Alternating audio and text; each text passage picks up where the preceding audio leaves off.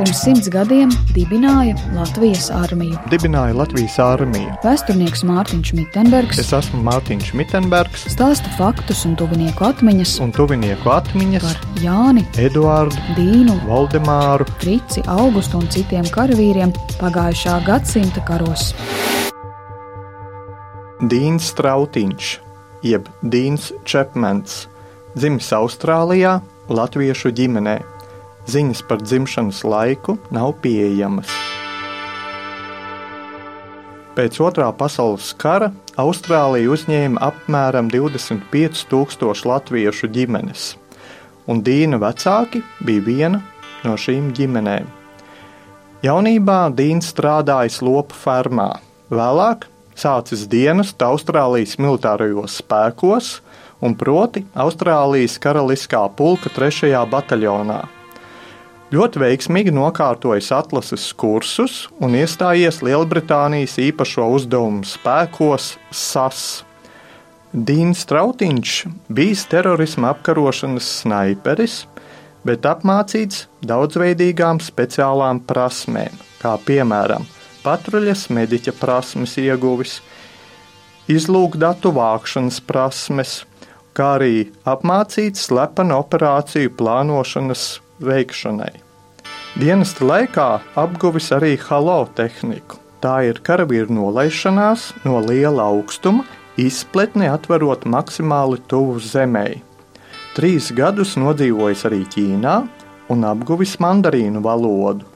Austrālija diezgan tuvu ir Indonēzijai, Ķīnai, un tur ir cita ģeopolitiskā situācija, un arī šie terorisma draudi un tā tālāk viņi varbūt vairāk uztvēra no Āzijas puses, un tāpēc bija ļoti svarīgi, varbūt, kad viņi šīs vienības, speciāla uzdevuma vienības, tā kā speciāli trenēja priekš, priekš Āzijas un priekš šiem konfliktiem.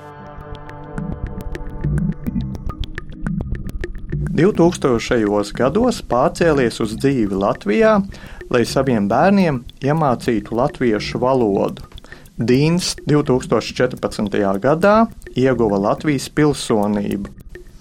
Jā, mūsu priekšā ir redzama fotografija, kur ir redzams Dīns Austrālijas armijas formas stērpā ar tādu smaidu sejā un bereti galvā. Protams, ņemot vērā dienesta specifiku, mēs nevaram zināt detalizētu laiku, no kur līdz kuram viņš atradies ir vienībās un kad viņš ir dienestu pārtraucis.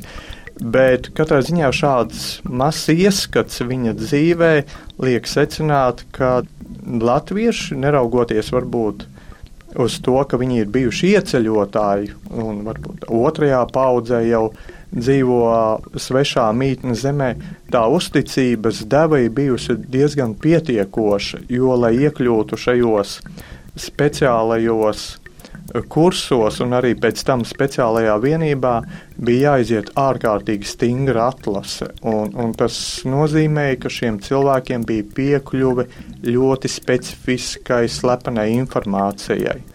Tātad latvieši nu, izpelnījās arī tādu godu, kad viņi tika uzskatīti par lojāliem rietumu pasaulē un demokrātiskām vērtībām.